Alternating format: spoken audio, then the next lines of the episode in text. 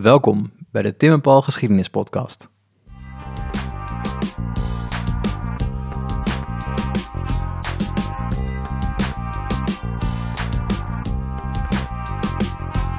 Die slag om Arnhem blijft ons maar boeien. Soms lijkt het alsof elke steen al is omgedraaid, maar dan komen er toch nog interessante verhalen naar boven. Verhalen die meer dan de moeite waard zijn om te onderzoeken en te vertellen. Vandaag hebben we het over Joodse vluchtelingen in Britse dienst die vochten bij Arnhem. Jongens die vanuit Duitsland en Oostenrijk in Engeland zijn aangekomen en zich daar aansloten bij de 1st Airborne Division. Hoe ging dit en wat is hun verhaal? Om dat te vertellen hebben we Jori Brentjes te gast. Jori is conservator bij het Airborne Museum in Oosterbeek. Daar is nu een tentoonstelling te zien over juist dit onderwerp. Hij schreef ook het boek Gevlucht om te vechten. De Joodse vluchtelingen van de 1st Airborne Division. Wil jij dit boek winnen? Blijf dan luisteren naar deze aflevering.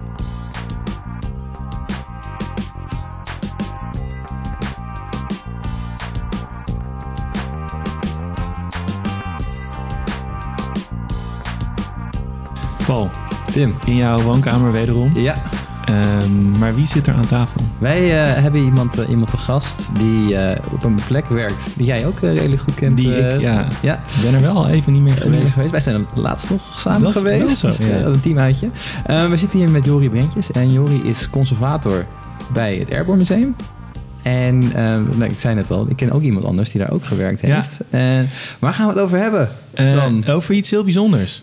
Wat eigenlijk altijd een beetje als een sluier over de slag om Arnhem hangt. Iedereen denkt dan wel erbij van ja, daar heb ik wel eens een keer iets over Er gehoord. schijnt een hele leuke podcast te zijn over de slag om Arnhem. Ja, ja, maar daar heb ik het misschien niet eens genoemd. Nee, toen. nee. Ja, Jori, voor jou, we hebben een soort van terugkerende podcast dat we een beetje bezopen zijn. En dat ik iets te enthousiast over de slag om Arnhem.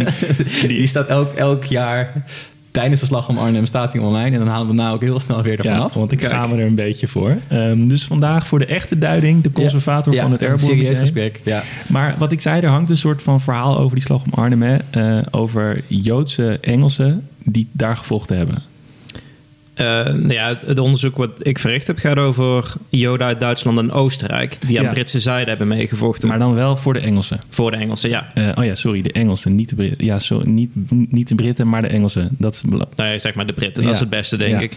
Ehm, want eh, dat is meteen opvallend. Dat zijn dus Joden, maar die komen uit Duitsland en Oostenrijk. En het is zo'n verhaal wat volgens mij nooit iemand echt goed uitgezocht heeft, maar jij nu wel. Dat klopt, ja. Er is onderzoek gedaan naar de, de Joodse bijdrage aan de slag om Arnhem. Dus daar zijn boeken over geschreven, daar is onderzoek naar gedaan. En dat gaat dan ook over eh, Brits-Joodse mensen. En wat ik in mijn onderzoek heb gedaan, is me toegelegd op eh, Joodse vluchtelingen uit Duitsland en Oostenrijk. die aan de Britse zijde hebben meegevochten.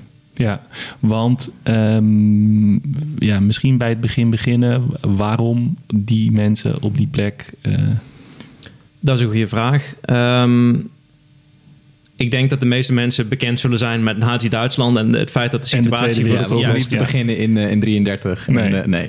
Eh, in ieder geval, de, de, de mannen die ik onderzocht heb, die woonden in de jaren 30 in Duitsland. En die hebben moeten vluchten vanwege het antisemitische beleid ja, van de Duitse overheid. Die zijn in Engeland terechtgekomen.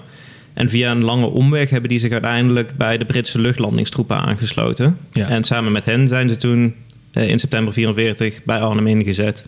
Ja, en over hoeveel mensen hebben we het dan ongeveer? 21. 21. En die zaten verdeeld over de hele Engelse divisie. Ja, zaten hier met, z'n- met z'n 21 bij elkaar. Nee, nee, die zijn inderdaad eh, verspreid over de, de First Airborne Division. En eh, een, een redelijk grote groep van hen zat bij de 21st Independent Parachute Company. Ja, Dat waren die jongens die als allereerste zijn geland Ja. om de drop- en landingszones te markeren.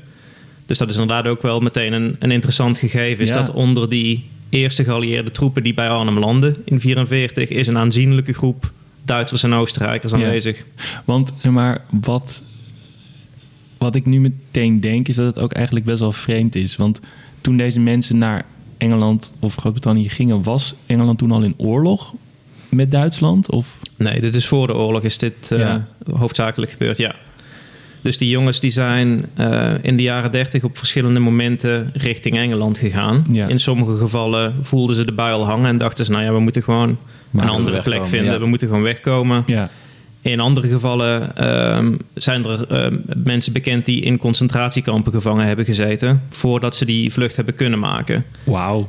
En waarschijnlijk is het een eh, soort van vereiste geweest vanuit de Duitse overheid dat zij het land zouden verlaten om uit dat kamp te worden vrijgelaten. Ja, ja dus, dus dan zeg maar, je, mag alleen maar vrij als je ook ophoepelt. Dat de boodschap. Ja, in, in principe wel, ja. Sommige van die jongens zijn met het kindertransport naar Engeland gegaan. Ja. Dus die, Wat is eh, dat? Even. Het kindertransport, dat is een eh, initiatief dat is opgezet door Joodse hulporganisaties, eh, zowel in Groot-Brittannië als in Duitsland, als ook in andere landen. En die hadden als doel zoveel mogelijk eh, kinderen, Joodse kinderen, weg te voeren naar veiligheid. Ja. En in dit geval naar Groot-Brittannië. Ja. En wanneer was dat? Oh, dat is iets wat is opgezet tegen het einde van de jaren 30, Oh ja, oké. Dus wel nog voordat dat die oorlog voordat de begon. oorlog begon. Maar ja. toen wist iedereen, dit gaat er eigenlijk helemaal mis. ja, het ging al mis. Ja. Het, eh, het was misschien nog niet oorlog, maar de, de eerste concentratiekampen waren al eh, opgezet. En er waren al aanvallen geweest op de Joodse bevolking. Ja. Met name tijdens eh Rijksprogramnacht. Ja. Dus het- ja, het was al gewoon goed fout. Het was duidelijk dat daar eigenlijk geen, eh, geen bestaan meer mogelijk was. Dat was Hm. natuurlijk ook het, het, het hele idee van de nazi's... om dat bestaan van de Joodse bevolking zo onmogelijk te maken... dat ze zouden weggaan. Ja. Eh, en het kindertransport, eh, niet om te zeggen dat dat gefaciliteerd heeft daarin, maar dat was eh, een reddingsactie Ja. die bedoeld was om die kinderen te beschermen. Ja, dus, maar dat is wel interessant dat, dat, dat er dus mensen die tijdens de slag om Arnhem daar gevochten hebben, als kind zijn weggegaan uit Duitsland. Ja, En waar kwamen die dan terecht? In een soort, was er dan een huis of een opvang? Of, dat verschilde heel erg. Sommige van die jongens die hadden familie in, eh, in Engeland wonen en dan konden ze daar op terugvallen, konden ze daar terecht. En in andere gevallen eh, was dat niet mogelijk. Dus eh, we weten van één man, Max Meisels, die kwam uit Wenen. Die is met een kindertransport naar Engeland gegaan. En die is daardoor eh, de familie Webber opgevangen.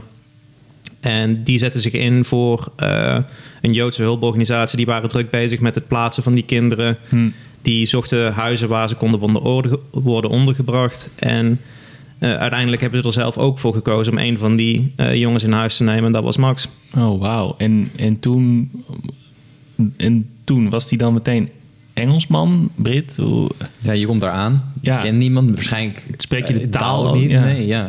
Ja, het is natuurlijk een, een heel desoriënterende ervaring geweest Ja. voor die jongens. Eh, Max die zei ook van ja, de, de mensen spraken nou, gewoon geen Duits eigenlijk. En ik sprak Nee. nauwelijks een woord Engels. En op school kreeg hij vervolgens gewoon een beetje Engelse les, dat hij de taal eh, kon oppikken. En zo heeft hij zichzelf gewoon een beetje moeten zien te redden, die eerste, die eerste periode. Eh, er is een ander geval bekend, dat is eh, Martin Lewin. Die is ook met zo'n kindertransport richting Engeland gegaan, maar die was toen al 17. Oké. En ehm, waarschijnlijk is het vanwege het feit dat hij al een van de oude, oudere kinderen was, dat hij eh, geen gastgezin kon vinden. Dus hij is uiteindelijk in een Joods eh tehuis terechtgekomen. Dat weer door zo'n hulporganisatie Ja. werd gerund dan. Maar dan dus echt zonder, zonder iemand. Zonder, ja, dan ben je toch echt helemaal alleen? Nou, je zit dan in het tehuis met kinderen die dezelfde soort achtergrond hebben natuurlijk. Ja, maar er is niemand die dan, zeg maar, weet ik veel, eh, ja, af en toe belt en vraagt: Goh, hoe is het met je? En je tante wil weten welk eh, rapportcijfer je hebt of zo. Dus dan, ja, die hebben helemaal geen so, so- ja, sociaal vangnet dan toch? Of bood die organisatie dat dan wel een beetje? Je had denk ik in het geval van Martin, had hij de mazzel dat hij omringd was door die andere kinderen. Die Ja, dus ook Duits ja. spraken. Die ook in diezelfde nieuwe situatie zaten. Die ook moesten wennen aan de nieuwe omstandigheden. En ik denk dat dat voor hem eh, wellicht tenminste iets van een com- eh, comfort heeft geboden. Mhm. Er was ook nog contact mogelijk, zeker voor de oorlog. Werden er nog brieven heen en weer geschreven. Het postverkeer ja. werkte in principe gewoon nog normaal. Ja. Maar je merkt wel dat nadat de oorlog is uitgebroken, wordt dat contact heel lastig. En dan kun je nou ja, korte rode kruisberichtjes heen en weer sturen, maar verder is er nauwelijks contact mogelijk. Ja, En dan zitten ze daar. En dan begint eh, de oorlog. Tenminste, gaat, gaat Engeland zich mengen in de, eh, in de oorlog. En dan besluiten zij... Ja, wij willen hier ook iets mee gaan doen. Want jij zei, eh, een van de jongens is 17. Dus die is... Hè, dat is nou ja, het volwassenen af, zeg maar. Er zullen meer jongens van 17 zijn die zich aansluiten bij de, uh, de krijgsmacht op dat moment, geloof ik. Ja. Of misschien nog wel iets jonger ook zelfs.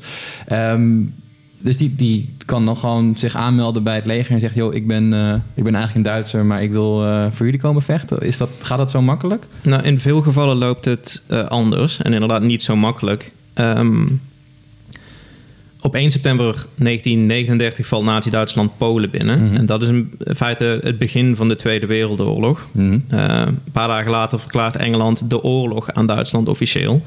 En met het, uh, ver, met het uitgeven van die oorlogsverklaring worden die jongens uh, die in Groot-Brittannië zijn op dat moment in één klap enemy aliens. dus niet alleen die Joodse vluchtelingen, maar alle Duitsers en Oostenrijkers die in Groot-Brittannië zijn, die zijn nu staatsvijandig in principe. Ja, ja. Dat zijn mensen waar, je, waar een mogelijk risico van uitgaat. En net zoals alle andere Oostenrijkers en Duitsers worden die Joodse jongens geïnterneerd. Dus de Britse overheid um, die maakt op een gegeven moment. Dat, dat duurt nog even trouwens, moet ik erbij zeggen. Het is een heel lang verhaal. Ja, maar ja. in juni 1940, nadat uh, Frankrijk besluit een wapenstilstand te tekenen, Ja. dan staat Engeland er echt nog in zijn eentje voor. Die spanning onder die Britse bevolking is dan op dat moment zo hoog opgelopen. Ze zijn als de dood dat uh, er een Duitse invasie zal komen. En dus ook bang voor de vijfde kolonne waarschijnlijk. Van al die... Exact. Er komen ook waarschuwingen uit bezet gebied. Dus de, de Britse ambassadeur in Nederland bijvoorbeeld... die schrijft een memorandum aan de overheid van... Uh, het minste wat we moeten doen is al die Duitsers en Oostenrijkers onmiddellijk interneren. Ja. Ja. Want ik heb het hier zelf met mijn eigen ogen gezien uh, wat er gebeurd is. Dat was natuurlijk ook een hele hoop hete lucht waarop dat mm -hmm, memorandum ja. gebaseerd was. Maar in ieder geval die paniek die slaat toe.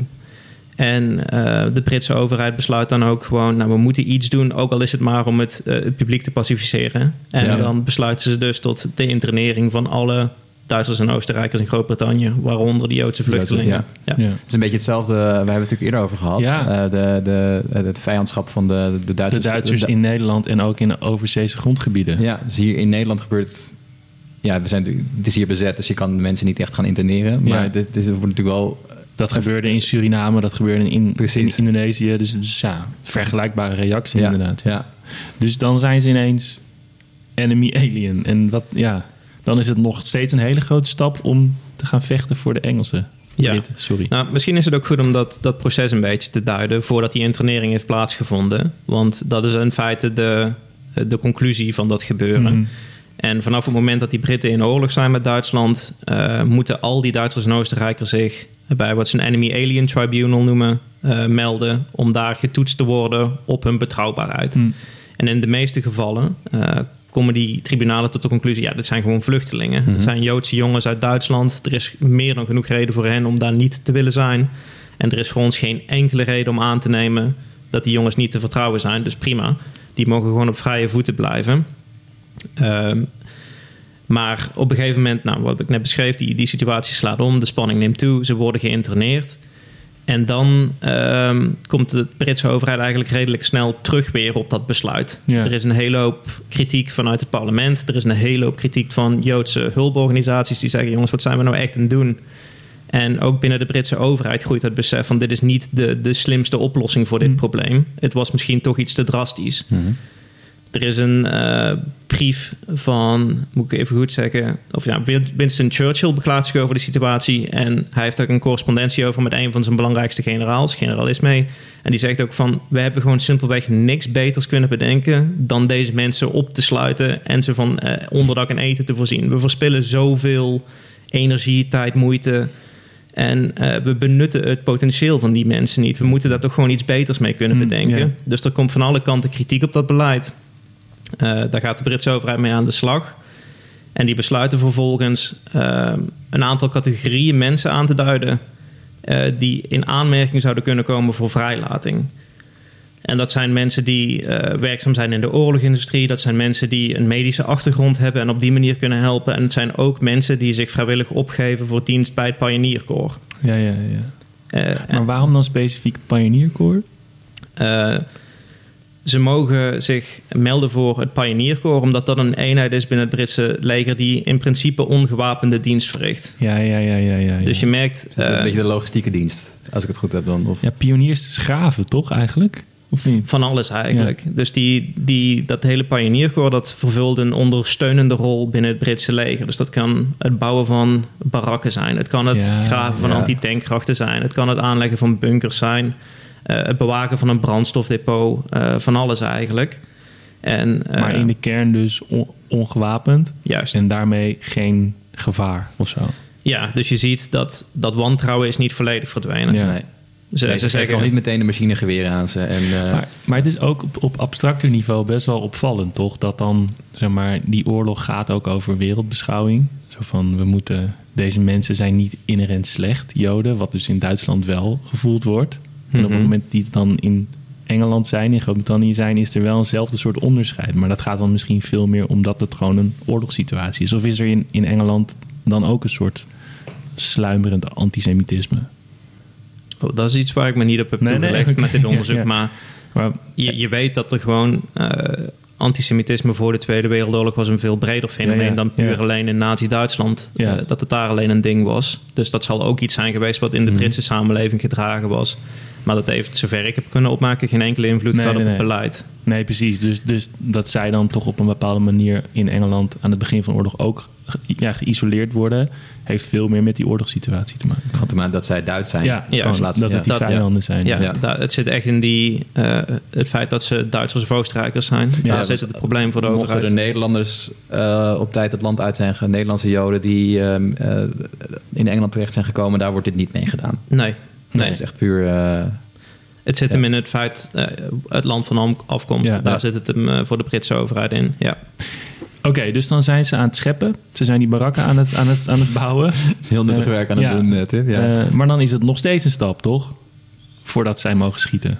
ja, dat duurt wel even. Ehm, een van die jongens, eh, Hans Schwartz, die heeft zich redelijk vroeg aangemeld voor het leger. En die is daadwerkelijk ook met de British Expeditionary Force naar Frankrijk nog gestuurd in de jaren Oké. 40. Die heeft daar hutten gebouwd voor eh, officieren van Dus het dat- leger. dit is eh, echt in het begin van de. Dit eh, is in het begin van de, van de oorlog nog, ja. Ja. Eh, we maken even een kleine tijdsprong naar, eh, eh, de, wat zal het zijn, mei 1940 voor Ja. de inval van het. Duitse leger. Dus die is daar bezig met het bouwen van hutten. Eh, die wordt vervolgens weer teruggetrokken naar Engeland. dit is dat Eh, hele verhaal met eh, Dunkirk, toch? Ja, ja, dat ja. is, eh, Ja. de- ja. Ja. Daar zit je in die periode Ja. inderdaad. Dus die jongens die doen eh, van alles en meer voor dat Britse leger, maar vooral ondersteunende taken. Eh, maar goed, die oorlog die gaat verder. Er is gewoon een tekort aan mensen, ook binnen het Britse leger. En er is ook een tekort aan eh, mensen met specifieke vaardigheden. Dus die Joodse vluchtelingen die een technische achtergrond hadden, die in staat waren wapens te repareren, die in staat waren nou gewoon specifiek werk te doen, die komen op een gegeven moment ook in aanmerking voor een overplaatsing uit het Pionierkorps.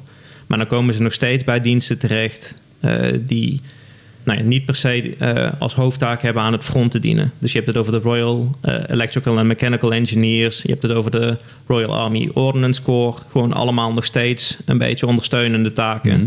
maar dan wel toegespitst op hun vaardigheden. Help Paul even. Wat Ja, is de kijk Royal... gla- glazig Ja. uit mijn ogen. De Royal Engineer, wat is het? Royal, Mechanical- Royal- Dit zijn de, de genietroepen, toch? Hoe heet dat in het... eh, nee? Ze, ze korten het vaak als REMI af en Ja. je snapt waarom. Eh, De Royal Electrical and Mechanical Engineers. Dus die zijn eh, bezig met eh, het onderhoud van technische apparatuur in principe. Oké, ja. En de Royal Army Ordnance Corps die doet van alles en nog wat, maar waaronder ook het onderhoud van voertuigen, Ja. het onderhoud van wapentuigen, het onderhoud van van alles en nog wat. Maar die, maar die REMI, dat zijn dus echt gewoon elektrotechnici bijna, toch? Ja, in Ja. zekere zin wel. Ze, doen, ze, doen, ze hebben een vrij breed takenpakket, maar dat is de kern. Ja. ja. Heb je het nu, Paul? Ja, ik heb hem. Oké. Ja, ja, ja. Het, het punt is meer ehm, langzaam, eh, als die jongens dienst doen bij de Pionierkorps. Je moet, in die tijd werd het door het Britse leger ook echt gezien als een soort van afvoerputje van eh, de Britse strijdkracht. Hm. Dit is waar je al je ongeletterde mensen naartoe stuurt. die anderen gingen bij de Navy of bij de RAF. Of, ja, iets, Ja. iets wat meer eh, prestige met zich Ja, meebracht. ja. Dus dat, het is een, in mijn ogen onterecht beeld, maar het is wel iets wat heel erg sterk leefde binnen die Britse strijdkracht. Maar is, is de Pioneer Corps dan echt een beetje Dad's Army? Moet ik het een beetje zo zien in het in het populaire beeld? Of... Nou, je zou, qua beeldvorming zou je het ermee kunnen vergelijken. Het heeft, het heeft dat imago wel. Ja. Het, is, ehm, het is niet zeg maar zoals de Home Guard. Het is iets, net iets weer iets anders. Het is een actief deel van ja, het ja, leger. ja, ik snap maar, je, maar ja. ehm, ja, het, het- beeld is, daar zitten gewoon officieren die, die in de Eerste Wereldoorlog al oud worden. Die sturen die troepen aan en daar gaat nul motivatie of energie vanuit. Die jongens die daar terechtkomen, die, nou, dat waren mannen die door alle andere eenheden in het leger zijn afgewezen, maar toch nog iets moesten gaan doen. Die Ja. komen daar terecht. En dus ook die, die, die Joodse vluchtelingen. Ja. Ehm, Maar dan zie je dus, dus dat ze geleidelijk aan naar die andere onderdelen gaan. nou ja, geleidelijk aan groeit dat vertrouwen, heb ik Ja. het idee. En ehm, eh, groeit het besef dat ze een hele hoop hoog gemotiveerde, hoog opgeleide jongens bij dat pionierkorps hebben zitten. En ondanks het feit dat dat korps heel nuttig werkend verricht is op dat moment, Ja. is er een betere manier om het potentieel van die jongens Ja. eh, Ja. te benutten. Want even, daar hebben we het nog helemaal niet over gehad. Maar qua motivatie en toewijding, dit zijn denk ik wel kids, jongens, die denken, ja, verrek. weet familie je, zit daar dit nog. is gewoon wel, ze, zeg maar, die Britse troepen die vechten voor misschien omdat het moet en een ideaal. Terwijl deze guys gewoon echt zien wat er in hun eigen land gebeurt of zo. De- deze gasten zijn alles kwijtgeraakt. Ja. Die zijn alles kwijtgeraakt toen ze naar Groot-Brittannië zijn gevlucht. En die hebben nog familie in Duitsland zitten. En dat is wat ik zeg, vier van die, vier of vijf, ik heb het even niet helemaal voor de geest, Mhm. vier of vijf van die jongens hebben in een concentratiekamp al gevangen gezeten. Ja. Maandenlang. Die weten waartoe die, die nazi's in staat zijn. Ja. En die zijn heel erg erop gebrand om een bijdrage te leveren. En maar dit is nog wel, ehm, aan het begin van, dit is nog wel voor de uh, kampen zoals Auschwitz. Ja, dit zijn nog niet de vernietigingskampen. Nee, Ja. dit zijn Maar goed, de, concentratiekampen. de, de concentratiekampen En dit- zijn, ik bedoel, dat is... Het zijn wel kampen en de ervaring die Jori beschrijft is dat ze daar gewoon zitten en Ja, een, ja. een Duitse wachter hebben en alleen maar daar zijn Ja, tuurlijk, omdat ze tuurlijk, Jood ja. zijn. Dus die zijn toch op het bot gemotiveerd om hier een bijdrage aan te leveren. En dan staan ze met een, met een, een schoffel een hut te bouwen, toch? Dat gevoel. Nou ja, dit, zeg maar, die eh, Martin Lewin die we al eerder eh, bespraken, die, die hebben ze in een concentratiekamp opgesloten. Eh, die wordt opgepakt vlak nadat zijn vader was overleden. Die kon niet bij die begrafenis zijn. Ze hebben hem in een Ja. kamp gestopt, ze hebben hem mishandeld. Toen hij daarna zes weken weg kon, was hij ongeveer een vijfde van zijn gewicht verloren. Jezus, ja. Je, je staat daar in de vrieskou iedere ochtend op appel. Het is gewoon ja, afschuwelijk. Het is, nog niet, het is nog niet dat niveau van een vernietigingskamp. Mhm. Maar Het is nog steeds onmenselijk, natuurlijk. ja, Ja, volkomen. En ehm, dat, dat is de achtergrond van die jongens. Ze hebben niet allemaal in die kampen gezeten, maar ze hebben allemaal gezien, eh, Hans Schwartz heeft gezien hoe zijn synagoge in brand werd gestoken, Ja. terwijl de burgemeester en de politie stond toe te kijken. Mhm. Eh, Max Meisels, zijn synagoge, is verbrand in Wenen. Ze hebben eh, allemaal boetes aan de staat moeten betalen. Allemaal rechten zijn afgenomen. Ze mochten niet meer werken voor de overheid. En je kunt wel, als je dat zou gaan opsommen, alleen al wat er voor antisemitische maatregelen zijn doorgevoerd sinds 1933.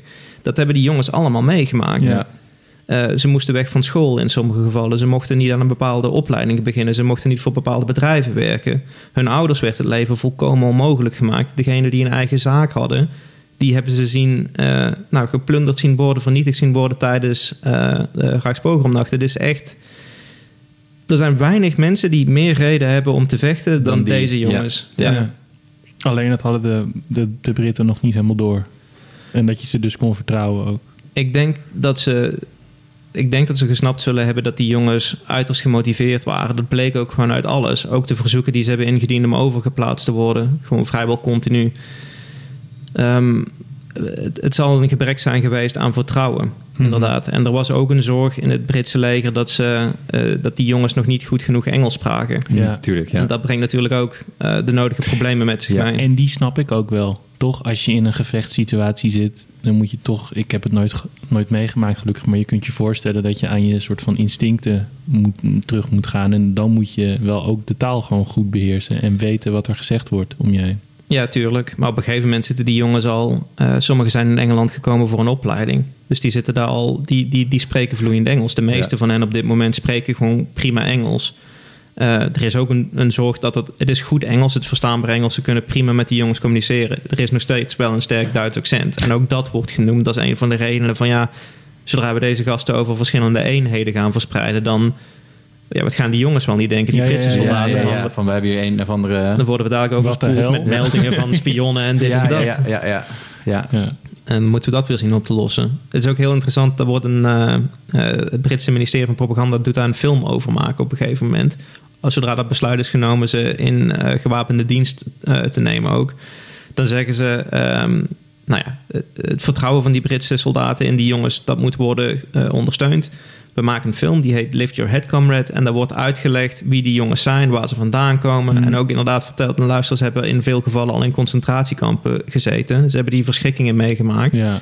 Deze jongens willen gewoon vechten en ze zijn volledig te vertrouwen. Maak je geen zorgen. Maar dat moet Ja. dus wel vanuit de staat eventjes op, een, ze op, voelden het, dus... op het nieuws komen. Ja, of er ja, een ja. documentaire over gemaakt worden. Van ja, dit, is, eh, dit zijn de goede Duitsers. ja, zeg ze maar. voelden Ja. wel die noodzaak dat Ja. even uit te leggen op zijn minst. Ja. Ja. Maar je hebt het nu genoemd dat ze dus op een bepaald moment is er een besluit genomen dat ze in, eh, hoe, hoe zei je dat nou, actief In gewapende dienst. gewapende dienst mogen treden. Wanneer Ja. was dat? Dat is een hele goede vraag. ik heb er een heel boek over geschreven, zoals je weet. Eh, in eh 43. In 43. Ja. En dan is het Parachute Regiment al opgericht, toch? Dan Uit bestaat het. Parachute Ja. Regiment. Ja. Ja. De Army Air, eh, Air Corps bestaat op dat moment al. Ja. En zeg maar, ja, dus dan zijn ze eigenlijk vrij. En dan gaan er dus een aantal komen bij het Parachute Regiment te- terecht. Of zijn ze niet zo vrij? Nou, op een gegeven moment, eh, wat ik eerder beschreef, er worden steeds andere korpsen opengesteld. En dan, als ik het uit mijn hoofd zeg, mei 1943 worden alle eenheden, behalve degene die gaan over eh, communicatie, worden opengesteld Ja. voor eh, die Ja. jongens. En dan ehm, op dat moment dienen grofweg 5000 Joodse vluchtelingen bij het Pionierkorps. En ongeveer de helft van hen maakt de keuze om een overstap te maken naar een gewapende eenheid. Ja. En eh, een kleine honderdtal die komt bij het Parachute Regiment Ja. terecht. Of bij het Glider Pilot Regiment. Ja. En dat, dat is, eh, want daar hebben wij het eerder over gehad, Ja. eh, Tim. Je wordt niet zomaar eh, Toegelaten daar. toegelaten daar. Dat zijn, als je dat vergelijkt, het contrast wat je, of het beeld wat je net schetst over de beeldvorming over die pioneers. Die daar een soort van, ja, we wachten maar, we zijn eigenlijk al met pensioen en we zijn een beetje putjes te graven hier. Ten opzichte van wat voor mensen zich aanmelden en aangenomen en door de selectie komen bij eh, de Airborne, eh, de parachutisten. Dat is wel echt een, de andere tak van... ehm, Van sport. ja, Ja, als je het hebt over eh, een, een soort van spectrum van beeldvorming van eenheden, dan staat het Pionierkorps inderdaad aan één uiteinde en de commando's en de, de, de parachutisten aan de andere uiteinde. Ja. Ja. Dat, is, dat staat in heel hoog eh, aanzien binnen het Britse leger. En daar word je inderdaad niet zomaar tot toegelaten. Maar dan is het wel, als we het nu over het Parachute Regiment hebben... ehm, en ook de commando's wel... Ik weet niet, gaan ze ook, ook, ook naar de commando's toe? Weet je dat? Dat- Eentje probeert het. Ja? Die, of ja, niet de commando's, maar die probeert eh, toegelaten te worden tot de Special Opera- Operations Executive, Oh ja. eh, SOE. Ja. Ja. Dus dat is eh, een soort van spionagedienst, geheime dienst van het Britse leger, die eh, troepen dien, eh, dropte in bezet gebied ja. om verzetsbewegingen te ondersteunen, aanslagen te plegen, nou, spionage te verrichten, dat soort Ja. zaken. Maar eh, hij wordt uiteindelijk niet tot de SOE toegelaten. Hm. Ehm, de, de instructeurs zeiden dat ze niet onder de indruk waren van eh, zijn niveau van Engels. Dat hij slecht tegen de, de kou kon. En dat was nogal een kernelement van, Ja. zeg maar, eh, eh, van, van die eenheid ook. Eh, en uiteindelijk raakt hij geblesseerd tijdens een eh, training, vrij Hmm. ernstig. En dan moet hij naar het ziekenhuis en vervolgens komt hij terug en zegt ze... jongen, laat maar gaan. gaat het niet Ja. worden. Ja. Eh, ga maar terug naar het Pioneer Corps. En vanuit daar uiteindelijk maak je de overstap naar het Glider Pilot Regiment. Oh ja. Maar dat is ook best, best een selectie, toch? Uh, Glider Pilot Regiment, daar kwam je ook niet zomaar terecht. Nee, je moet echt wel wat kunnen. Hmm. Eh, Glider Pilot Regiment is een van de zwaarste opleidingen. Eh, Parachute Regiment zit daar ook heel dichtbij in de buurt. Ehm, het is natuurlijk volkomen vreemd. Veel van die jongens hebben hun hele leven nog nooit in een vliegtuig gezeten, Nee. moet je je Nee. voorstellen. En nu krijgen ze de vraag van, wil je er anders uitspringen? Ja. Of, of in- met die gliders van, ja, deze gaat ook de lucht in, maar die, die, gaat, die stort dan ne- neer, gecontroleerd, soort zeg maar. Dit, dit is wat we doen. Ja. Oké, ja, cool. Ja, ja, je hebt die filmpjes toch van eh, British Pathé, dat je die glider pilot ziet landen. Ja, en dat, gaat er, gewoon eh, een soort van Neus naar beneden. Ja, oh jongens. Oh. Ja, het is gewoon levensgevaarlijk. Ja. Laten we wel wezen. Eh, allebei. Eh, los van het risico dat je loopt door simpelweg in een oorlog te verkeren, is gewoon uit een vliegtuig springen of met een zweefvliegtuig landen inherent gevaarlijk. Ja, Ja, en zeker, sorry hoor, vliegtuigen in 1943, 19, ik bedoel, nu vliegen is prima. ja, Parachutespringen ook nog wel, Ja. maar dat is iets anders natuurlijk. Ja. Ja, maar ze, ze doen dat relatief goed. Eh, een heel deel van die jongens wordt toegelaten eh, tot, tot die eenheden. En Eh, nou, de 21 die eh, ik in mijn onderzoek bekeken heb, dat zijn de jongens die uiteindelijk bij Arnhem gevochten hebben. Ja, dat ja. is de verbindende factor van, Ja, van die groep. Want, want ze gingen dan ook... Welk nummer was dat dan in Normandië? Weet je dat ook uit je hoofd? Is dat, Eh, de zesde. ja, maar was dat de 22e Independent Parachute Company? Ja. precies. Die gaat met, Ja. eh, Dit ja. van heel ver, Ja, maar dat, je weet het nog. Ja. Maar daar zaten dan ook een aantal Duitse en Oostenrijkse Joden in. Of dat... Dat heb ik. eh, Nee, nee, precies, dat ja. viel buiten het, eh, het kader Ja. van dat onderzoek. Ja. Maar wat er nog wel aan de hand is, is dat dit allemaal Duitsers zijn. Of Oostenrijkers met een Duitse naam en een Duits ding. En als je dan achter de linies toch... Dat doen parachutisten toch ook vaak. Dat is niet heel handig, toch? Hebben ze daarover nagedacht? Gelukkig wel, ja. Ehm, ja, dat is een, een risico dat eh, het, het stapelt een beetje, zeg maar. Je gaat van ongewapende dienst naar gewapende dienst. Dat wordt riskanter. Mhm. Dan meld je je aan voor eh, de Parachute Regiment of de Glider Pilot Regiment. Dat maakt het nog wat riskanter. En dan krijg je nog die hele kwestie van je eigen identiteit. Ja. Ehm, je bent Joods en je bent ook Duitser en Oostenrijker. En al die zaken maken het ontzettend gevaarlijk voor je als je gevangen wordt genomen. Ja. Als jij als Duitser gevangen wordt genomen, los van het feit of ze erachter komen of je Joods bent, ja Ben of nee, verraad? is het gewoon hoogverraad. Ja. En daarop staat de doodstraf. Ja. Eh, dus er was wel heel wat aangelegen om die jongens eh, op- daarvoor te toch? beschermen.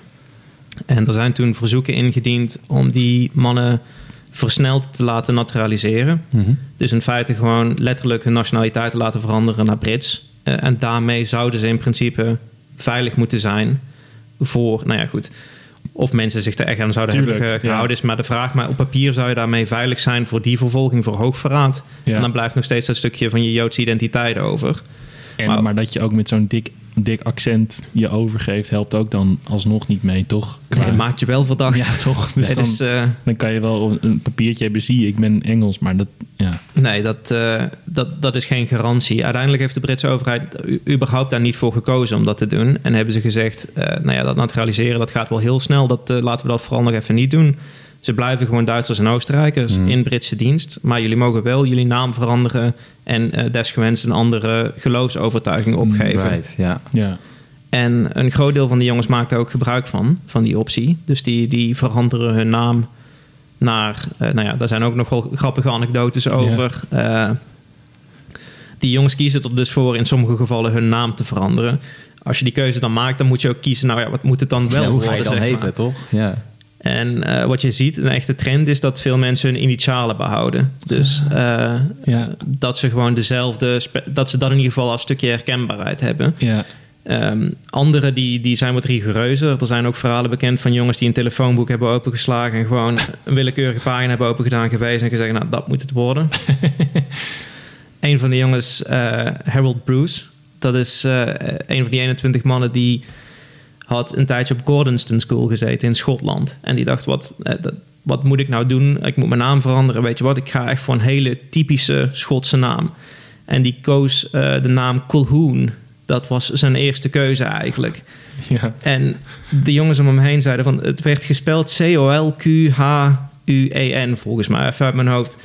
Die, die mensen om hem heen zeiden... maar jij kunt dat niet eens spellen, zeg maar. Hoe gaan we dit, zeg maar, hoe gaan we dit in godsnaam vergroten? uitspreken. Ja, maar dit zeg maar. Wij, wij, wij moesten daar een, eh, voor de tentoonstelling waar we aan werkten, moest dat ook met een stemacteur worden opgenomen. Die zei ook, ja, wat, wat moet ik hiermee? Hoe, hoe zeg Hoe ik spreek dat? je het uit? Ja. Ja.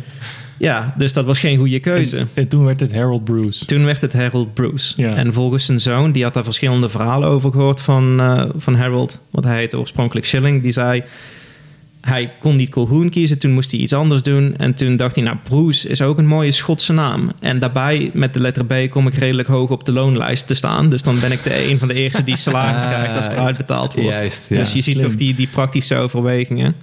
Ja. Er is, een, eh, er is ook een eh, soldaat bekend die, die koos ervoor ehm, om zijn eigen initialen te houden. Want dat was, was al in zijn zakdoeken gestikt. Dus zeg maar, dat kon, Ja, dat moet je- anders ja. zat hij in één keer zonder zakdoek. Dat kan je ook niet. Is ook al wel Engels, toch? Dat gevoel. Dus hij Zij was... het goed geassimileerd. Ja. ja, ja. ja.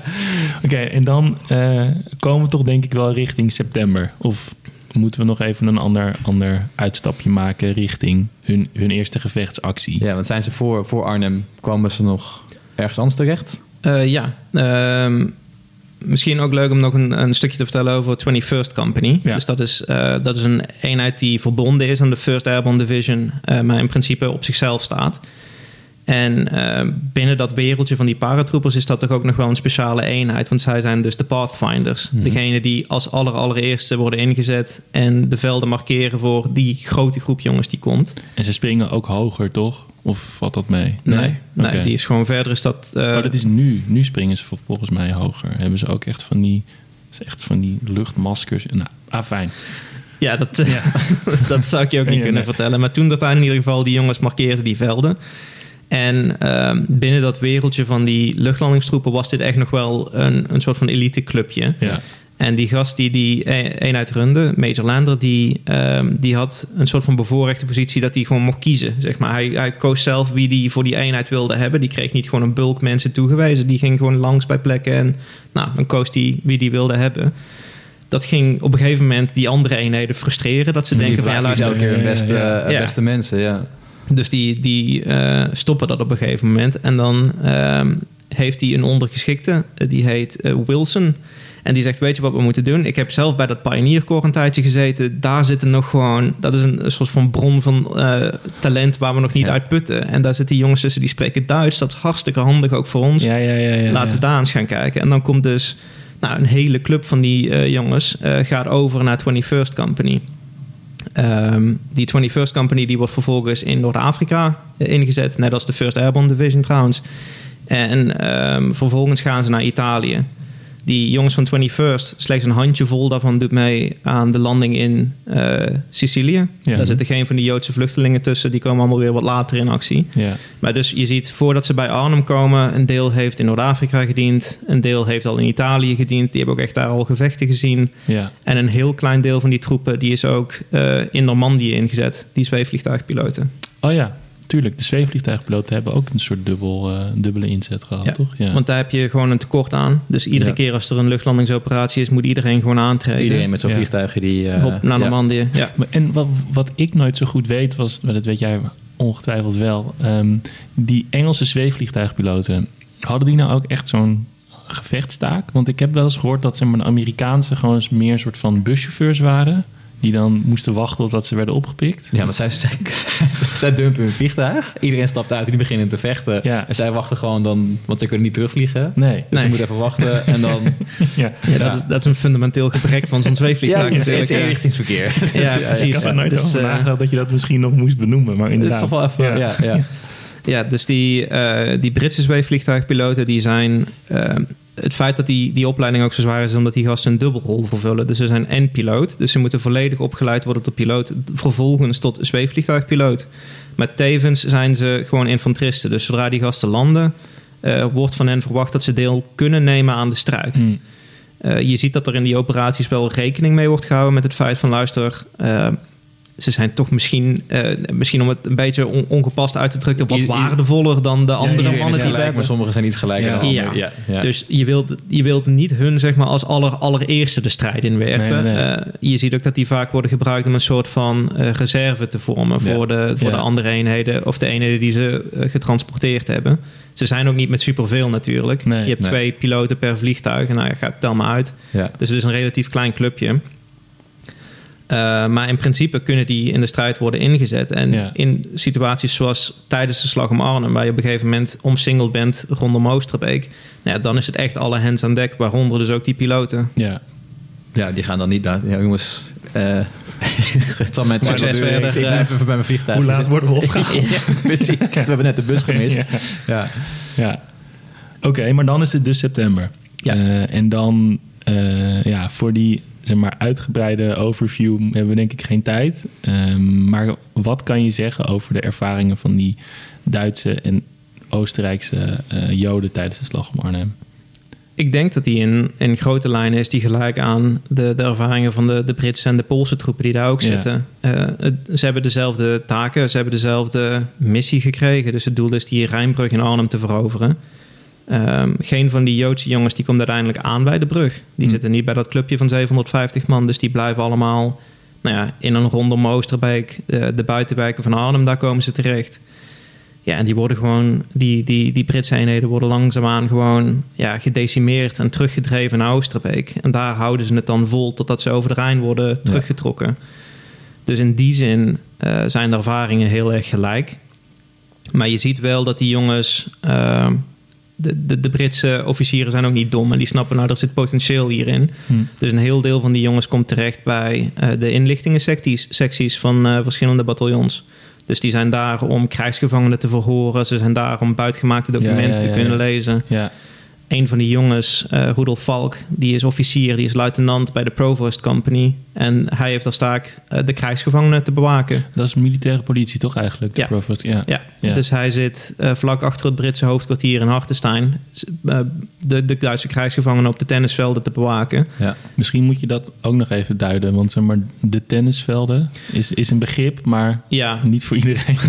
nou goed, dus de, belangrijk voor de luisteraars is denk ik om te beseffen dat die, die hele open operatie in, bij Arnhem valt echt in duigen. Dus het is heel erg geïmproviseerd. Uh, de Britten zetten uiteindelijk hun hoofdkwartier op in uh, Villa Hartenstein in Oosterbeek, waar nu het Airborne Museum ja. gevestigd is. En um, nou, dat was een vrij uh, riante villa, dus die had ook zijn eigen tennisvelden. En het voordeel van die tennisvelden was dat ze omheind waren. Daar stonden gewoon hekken omheen natuurlijk.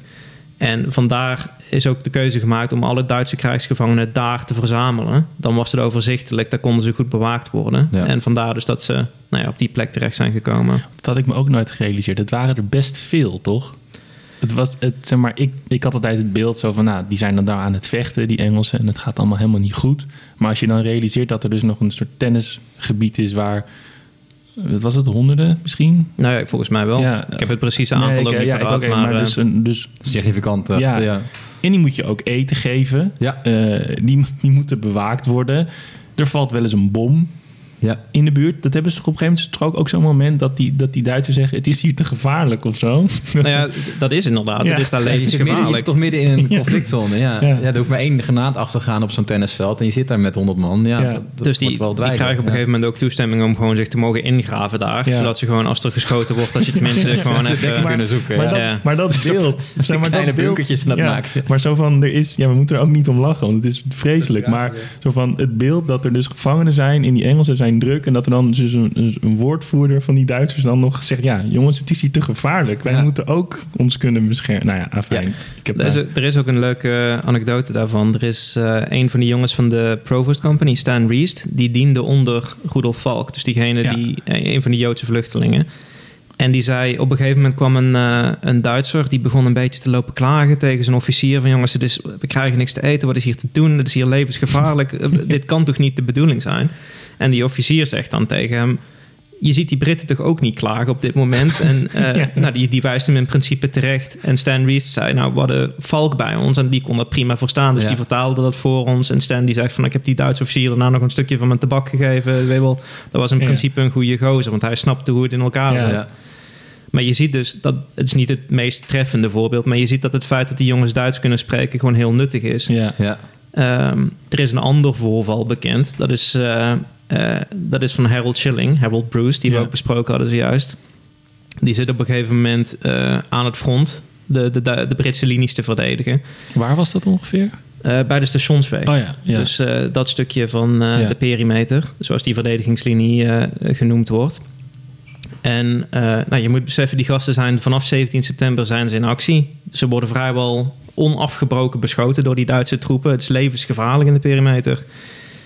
En die moeten gewoon wakker blijven. Je moet gewoon zorgen, want je bent een beetje dun gespreid. Je moet zorgen dat je gewoon die situatie onder controle houdt. Nou, hij begint op een gegeven moment zo moe te worden dat hij zegt van ja, luister, ik zat gewoon ergens iets te doen. En in één keer werd ik soort van wakker of zo. En dan was, had ik nog steeds iets in mijn handen en dan ja. had ik geen idee wat er juist gebeurd was. Dus die begon echt compleet uitgeput te raken. Die zei op een gegeven moment. Uh, heb ik twee cafeïne-tabletten genomen. Hij zegt dat zijn cafeïne-tabletten. Dat is in principe is dat gewoon de amfetamine die die soldaten ja, meekregen. Dus dat is in feite gewoon speed. Dat heeft hij ingenomen zodat hij die nacht wakker zou kunnen blijven. En nou ja, hij beschrijft het effect van ik was in één keer helemaal fit en ik stond echt te springen om actie en er was helemaal niks te doen. Dus ik zit daar achter mijn geweer en die zei ja, toen ben ik maar uh, alle Duitse liedjes die ik kende, die ben ik gaan fluiten Zeg maar om, eh, om die mensen een beetje Ja, zeg maar, ja, idee ja. te geven van... oh, eh, daar, is het, zeg maar, daar zijn de Duitsers, dit is veilig. Of wat is er aan de hand? Ja, ja. Nou ja, dat, dat is dus ook iets wat ze doen. Zeg maar. Ze gebruiken wel een stukje van die identiteit, die achtergrond. Ze kunnen ook gewoon orders oppikken natuurlijk. Ja. Ah, Die, Ja. die, die linies zitten dicht op elkaar. Dus als, daar, als die Duitse officieren een bevel schreeuwen... Nou ja, zij weten precies wat, Ja, eh, wat er gaat komen. Ja, want, want die stationsweg is dan ook nog wel interessant. Dat is echt aan de ene kant van de straat zitten de Britten. En echt le- letterlijk aan de overkant van de straat komen de Duitsers deels uit een bos en deels uit, uit woningen, toch ook? Klopt, Dat- ja. Dus het is echt ook gewoon Ja, je kan ze verstaan. tientallen Ja. meters bijna. Ja. Ja. Ja, dus de, de- er wordt wel ook gewoon slim, in, eh, slim gebruik gemaakt van die talenten van die jongens. Ja, en ehm, dus dan is hun ervaring redelijk ver, ja, vergelijkbaar. Ehm, met hoeveel mensen zijn ze erin gegaan? Toch iets van 12.000 of zo? Engelse Ja. divisie? Eh, om en nabij 12.000, ja. En hoeveel hadden op, op het begraafplaats liggen er? 1300, zoiets uit mijn hoofd. Maar dat zijn een beetje de aantallen. En zeg maar, de rest wordt, wordt gevangen genomen. Er gaan er volgens mij een paar 2500 de, rivier over. Dus de verliezen zijn mega. Daar wil ik naartoe. Ja, die, de hele First Airborne Division houdt gewoon... In feite houdt die gewoon op te bestaan na de slag om Arnhem. Zo uh, afge... Afgeslacht Ja. eigenlijk gewoon. 6.500 van die jongens die zijn gevangen genomen. Ja.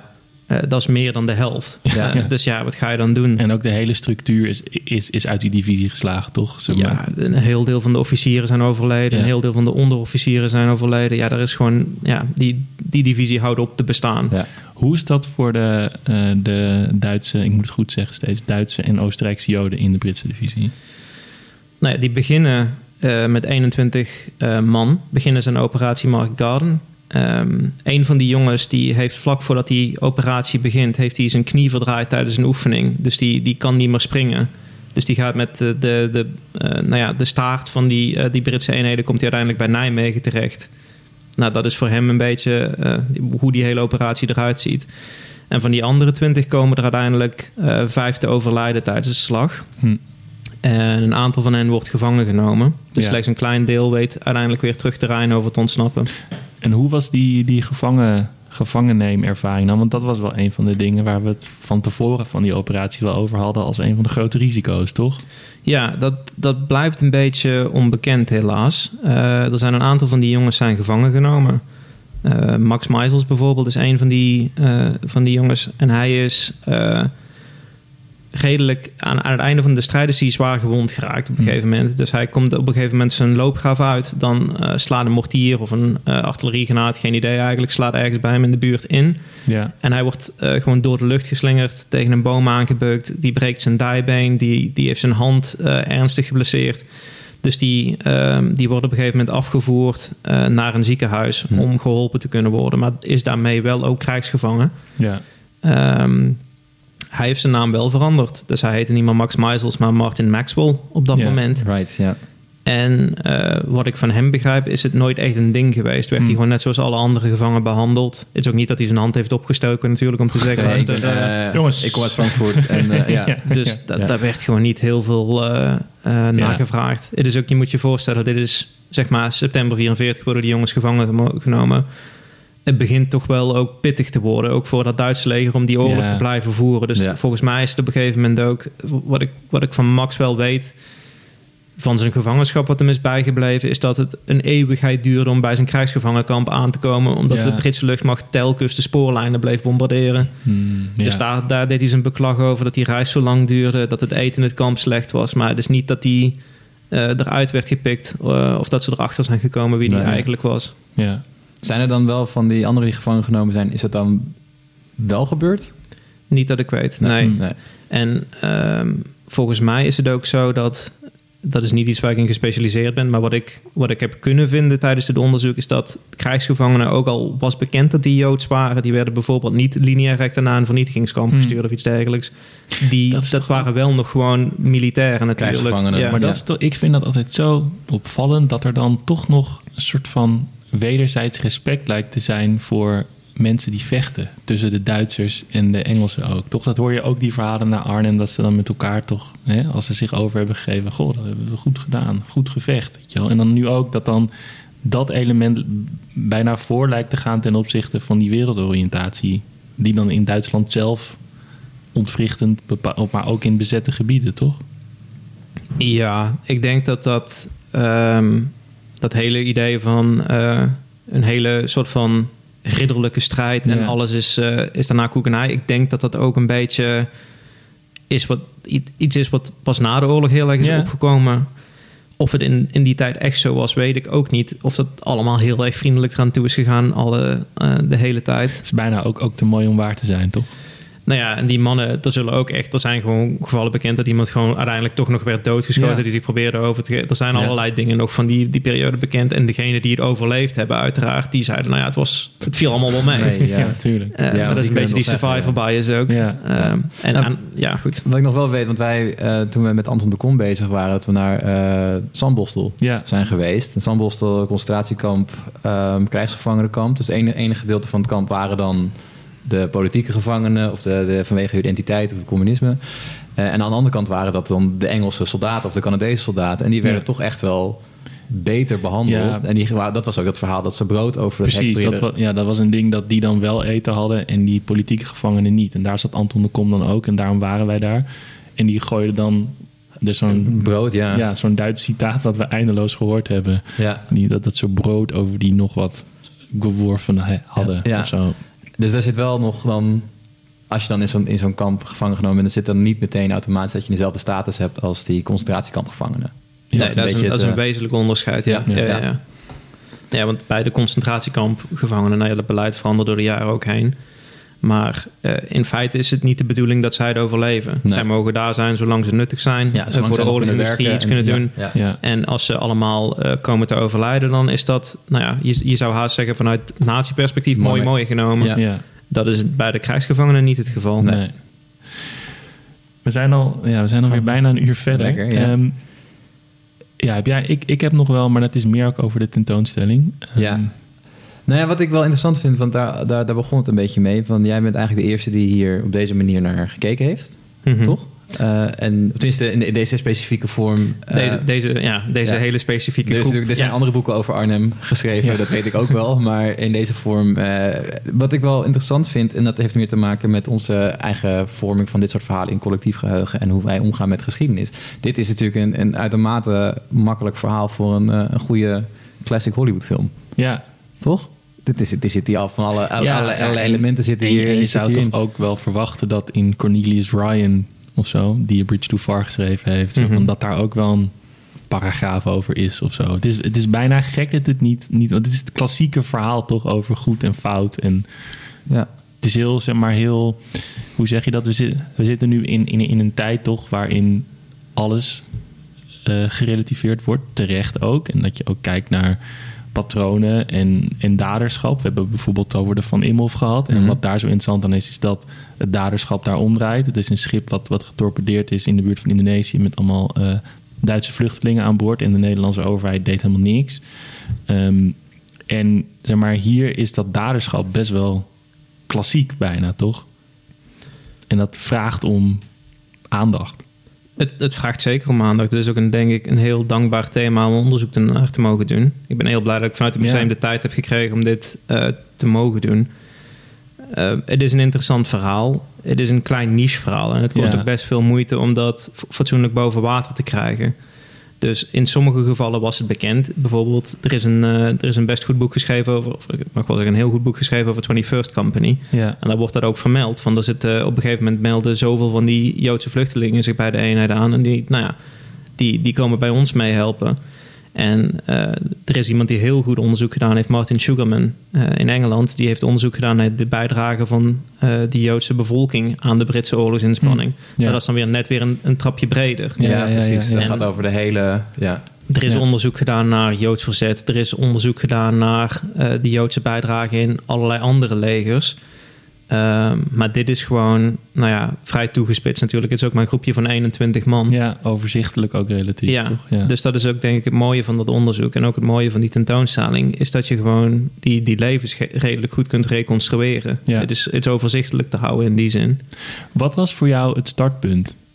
Om, eh, ben jij ergens door getriggerd? Dacht je om, om dit uit te gaan zoeken? Het startpunt was eh, toen ik bij het museum begon. Toen werkte jij er nog. Ja. Toen, eh, toen ben ik op een gegeven moment rondgegaan. En toen was de herinrichting van het museum af. En toen zag ik daar die munt liggen van eh, Harold Schilling. En dat is echt zo'n typisch ding. Eh, als je gewoon vaak oorlogsmusea bezoekt, kom je dit bijna overal wel een keer tegen. Zeg maar, of een bijbel, of een aansteker. Of nou ja, gewoon een stukje persoonlijk eigendom dat eh, scherven van een granade of een kogel heeft opgevangen. Waardoor iemand het overleeft. En heeft. waardoor iemand Ja. het overleefd heeft. Dus het is altijd gewoon, ehm, dat zeg ik ook in mijn boek, het is een speling van het lotverhaal. En dat doet het heel goed eh, in je museum. En meestal houdt het daar dan ook gewoon op. Dat is het, het punt dat je probeert te illustreren. Van die, die scheidlijn tussen leven en dood kan zo Ja. Klein zijn in zo'n situatie. Ja, en, en ook, zeg maar, wat een betekenis dat voor iemand krijgt. Toch? Ja. Dat is ook Ja, bijna maar dit mythisch. muntje heeft mij, Ja, heeft toch? mij Ja. gered. Ja. Maar meestal houdt het daar op, dat verhaal. En Ja. het, het, het- ja, het, toevallige wil natuurlijk is dat die, eh, die naam van die man, daar staat Harold Bruce. Mhm. En hij is door een shillingmunt eh, is zijn leven bewaard gebleven. En dan kom je er vervolgens achter, iemand zegt tegen je, maar eigenlijk heette die Harold Schilling. Dan denk je, zo, hoezo heette die eigenlijk Harold Schilling? ja. Ja, en toen begon dat balletje te rollen van hij was eigenlijk eh, een, een Duitser, een Joodse Duitser. En die heeft bij die luchtlandingstroepen gevochten. En dan denk je, ja, wacht eens even, hoe, hoe dan, zeg Ja. maar, en, en waarom? En eh, nou ja, daar begon dat. En toen ben ik een beetje die, die geschiedenis ingedoken. En langzaamaan kom je steeds meer mensen tegen. En ook tijdens dat onderzoek, er zijn een paar namen bovengekomen... die, die waren gewoon nog niet bekend als zijn Ah. dat dat Joodse vluchtelingen waren. Die stonden nog gewoon, gewoon te boek als Engelsman. Of, ja. Ja, maar je kunt, eh, wat dus interessant is, eh, dat, daar zijn we net een beetje overheen geskipt, is die jongens die beginnen bij het Pioneer Corps. Die Ja. krijgen allemaal een eh, service number van het Pioneer Corps. ja. En ehm, dat, die eerste vier cijfers daarvan zijn altijd hetzelfde. En je, die, die service numbers die hou je in principe gedurende je hele militaire carrière bij je. Dus waar je begint, die hou je. En ehm, je kunt dus in die transferbooks gaan uitvogelen wie is naar het eh, parachute regiment gegaan vanuit het Pioneer Corps. ja. Ja, want je kan die codes dan naast elkaar leggen. En dan, Juist. ja. en zo, zo zijn we er nog een paar tegengekomen waarvan niet bekend was. Eh, Want dan ga je die namen weer doorhalen. Dan ga je kijken, zijn deze mannen... Is er iemand met die naam ooit voor zijn tribunal verschenen? Ja, vrek, dat is hem zelf, ja, de ja, ja, geboortedatum. ja, ja, ja. Komt Ja. uit Wenen. Nou ja, en dan kom je erachter, dat zijn inderdaad Joodse vluchtelingen. Hoe, hoe lang ben je met dit onderzoek bezig geweest? Eh, anderhalf jaar zo'n beetje. Oh, wauw. Ja, niet fulltime, maar gewoon ja. anderhalf jaar van, vanaf zeg maar, dat we er echt voor gaan zijn gaan zitten. eh, om te kijken van, nou ja, hoe zit dat nou? En nu is er dus een tentoonstelling. Nu is er een tentoonstelling, ja. Hoe heet die? Gevlucht om te vechten. Oh ja. En eh, ja, kan je een klein tipje van de sluier oplichten voor mensen die denken: dit is, oh, is misschien wel interessant? Nou, je- je moet het gewoon komen bezoeken. Laten we, daar, laten we daarmee beginnen. Ehm, wat, wat de tentoonstelling doet en wat ook het boek doet, is eh, dat grote verhaal vertellen van die mannen. Dus waarom moesten ze Duitsland uit? Hoe gingen ze weg? Eh, hoe zag hun leven in Engeland eruit? Hoe kwamen ze in het leger terecht? En wat hebben ze gedaan tijdens de slag om Arnhem? En die grote geschiedenis, die illustreren we aan de hand van die persoonlijke verhalen. Hm. Ja. Dus je, je weet van sommige mensen weet je meer over hun jeugd in Duitsland dan van anderen. Dus dan staan die in dat Ja, hoofdstuk staan zij centraal. Ja. Ja. Martin Lewin bijvoorbeeld, eh, een van de jongens die in die concentratiekampen gevangen eh, hebben gezeten. We hebben zijn vrijlatingsdocument uit dat kamp. Oh, dat Die, die komt in de tentoonstelling te liggen. Ja. En de munt van Bruce is natuurlijk eh, te zien. En ja, nog veel meer spul van die jongens. En ook een hele hoop gewoon persoonlijke achtergrond, persoonlijke anekdotes over wat ze allemaal wel niet hebben meegemaakt. Want dat is natuurlijk ja, een krankzinnige reis. Er is, eh, Martin Lewin die stapt op een gegeven moment, moet ik even goed zeggen, februari 39 stapt hij in Berlijn op een, op een trein richting Engeland, zo'n kindertransport. En die, die, gast gaat van Berlijn naar Groot-Brittannië, komt nog in Noord-Afrika terecht, raakt gewond in Italië, gaat naar eh, Arnhem, is nog volgens mij in Noorwegen geweest, ook tijdens de oorlog. Dat, dat, dat idee, zeg maar, van hij stapt op een trein en hij weet niet waar hij aan gaat Ja, beginnen. En ja, dit zijn en- en- allemaal van dit soort soortgelijke verhalen. En dan binnen, binnen zes jaar ook. ja. Toch? Ja, Ja. idioot. Ja. Ja, en, dan ben, en dan word je nog in ondertussen Engels waarschijnlijk, nationaliteit van, of misschien niet, maar dan. Ja, Ja. er gebeuren allerlei dingen met je. Ja. Maar het is ook, dat zei je ook een aantal keer, het is ook wel, dat realiseer ik me nu pas een beetje, dat het zo qua identiteit ook zo heftig is. Dat mensen echt een soort van hun identiteit bijna als een soort van jas afdoen en in iets nieuws stappen, toch? Dat je dan nu maar, oké, ik ben nu maar, doe ik alsof ik dit ben. Nou ja, dat, dat, dat bijvoorbeeld ook met die naamsveranderingen. Sommigen die doen daar redelijk luchtig over en die, die zien het haast als een grappig iets. Uh, maar anderen die hebben ook zoiets van, ja luister, dit is gewoon, dit is mijn familienaam, dit is wie ik ben. En ik ben ook gewoon Joods en ik ben ook trots daarop. Ja, en, en de reden dat ik moest vluchten is omdat ik Joods ben en nu wil ik ja, en terug. en, ja, Man, Manfred Spiegelglas is er bijvoorbeeld zo eentje. Die uh, zijn uh, identity discs die komen in de tentoonstelling te liggen. Ja, en daar staat, ze hebben zijn naam fout geschreven, helaas, maar dat, dat is een ander verhaal. Maar daar staat wel gewoon in principe M. Spiegelglas. En daaronder staat Jew ja. als een religie. Dus die heeft gewoon gezegd: ja, daar gaan we dus echt niet aan beginnen. Dit, dit is wat het is. En, uh, dat zien we later wel. ja. ja. Ja, bijzonder. Dat is dus denk ik ook gewoon, ja, het is een bewuste keuze. Het is ook een soort van statement van, hmm. ja. dit gaan jullie niet van me afpakken. Ja, dit is nog het, e- ja, het enige wat ik wel heb. Ja, ja. ja. zijn, uh, zijn broer die overleeft ook de oorlog, maar zijn moeder die wordt op een gegeven moment in 1941 gewoon uit Berlijn gedeporteerd naar Minsk. En dat was het dan ook. Daar is nooit meer iets van uh, teruggehoord. En ja, een beetje een suffe vraag misschien, maar zo, zo iemand dan blijft hij in Engeland? Of gaat hij terug? Of ja, dat kan ook niet echt. Niemand van die jongens is teruggegaan naar Duitsland of Oostenrijk. Het merendeel die zijn in Engeland gebleven. Een paar zijn naar de Verenigde Staten of Canada gegaan. Hm. En Manfred Spiegelglas die is naar Israël vertrokken uiteindelijk. Oh ja, misschien ook wel een logische plek om dan naartoe te gaan. Ja, als je... uh, spreekt redelijk. Ja, is duidelijk dat je daar naartoe kan. ja. Paul, heb jij nog een aller, allerlaatste vraag? Uh, ja, dat is gewoon uh, praktisch en logistiek. De tentoonstelling is uh, te zien van wanneer tot wanneer? De tentoonstelling loopt van 10 juni tot en met 25 februari volgend jaar. Ah, dus er is genoeg tijd om een keer langs te komen. Ja, ik denk dat wij binnenkort naar Arnhem Ja, denk ik ook wel. Ja, mogen we jou hartelijk danken voor je verhaal. En, ja. je, en uiteraard ook voor je prachtige onderzoek wat je gedaan hebt hier, hiernaar. Heel graag gedaan.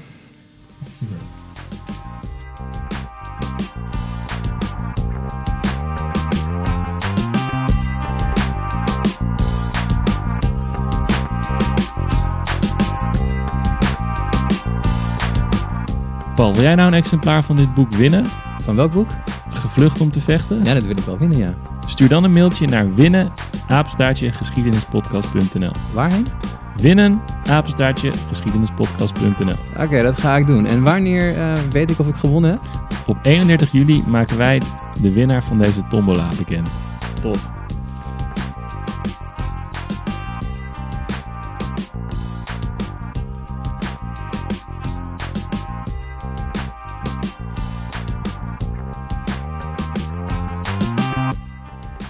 Je luisterde naar de Tim en Paul Geschiedenis Podcast.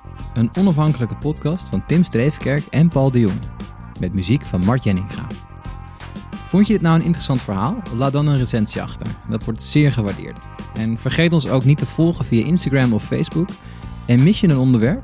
Contacteer ons dan via de socials of stuur gewoon een ouderwets mailtje naar info.geschiedenispodcast.nl. Groetjes thuis.